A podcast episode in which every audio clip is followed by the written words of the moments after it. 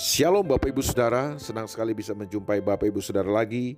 Masih dalam momen-momen Natal ini saya ingin membagikan kepada saudara dari Injil Matius pasal yang pertama ayat yang ke-22 sampai ayat yang ke-23.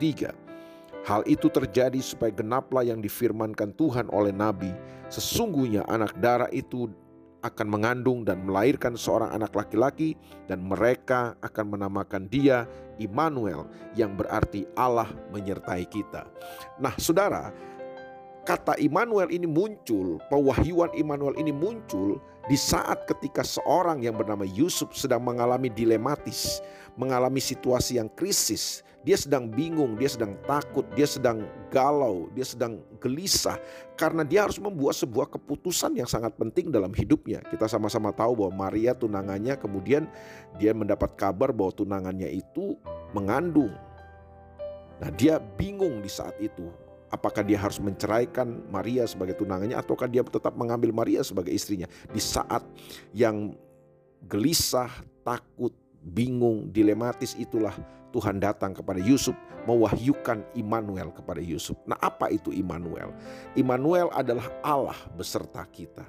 Dia bukan sekedar Allah yang ada, dia bukan sekedar Allah yang sekedar menyertai kita, tapi dia Tuhan yang hadir buat kita.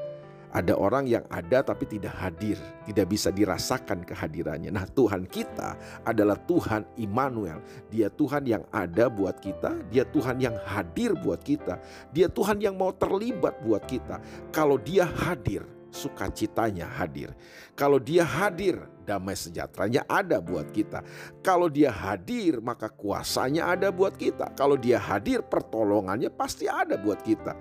Kalau Tuhan hadir, segala sesuatu yang ada pada Tuhan itu ada buat kita.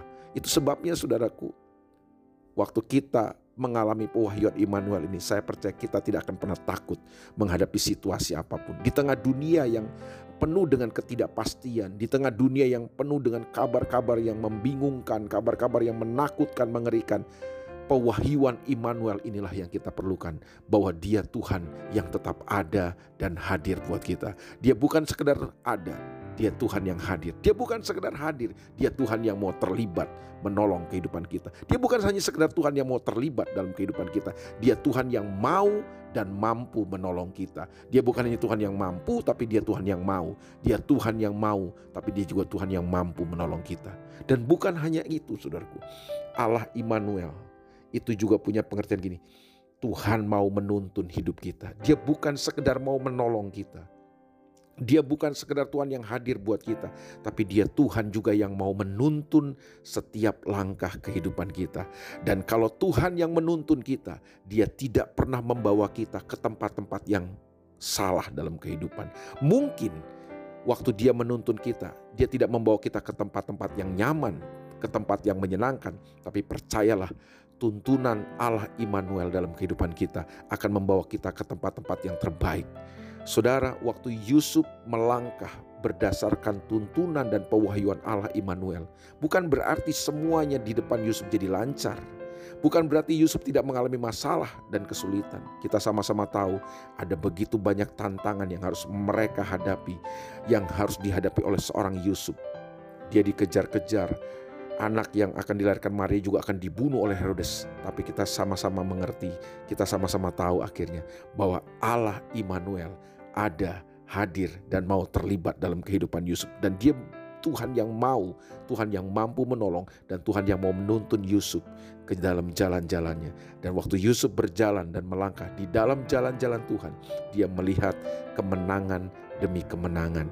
Dia melihat mujizat demi mujizat dalam kehidupannya. Saya berdoa supaya di momen-momen Natal ini Tuhan mewahyukan dirinya kepada saudara. Allah Immanuel itu ada buat saudara. Dia Tuhan yang mau terlibat dalam semua persoalan kesulitan saudara dan juga Tuhan yang mau menuntun dan memimpin kita ke dalam jalan-jalan yang penuh dengan kemenangan-kemenangan yang ajaib. Tuhan memberkati saudara. Mari kita berdoa. Bapa dalam nama Yesus, Hari ini kami membutuhkan Engkau Allah Immanuel. Di tengah-tengah situasi dunia yang sulit ini, kami butuh Allah Immanuel. Allah yang bersama menyertai kami, Allah yang ada dan mau terlibat. Allah yang mau dan mampu menolong kami dan Allah yang selalu mau menuntun kehidupan kami. Ajar kami untuk terus berjalan dalam jalan-jalan Tuhan sehingga kami terus melihat kemenangan demi kemenangan. Di dalam nama Tuhan Yesus kami berdoa. Amin.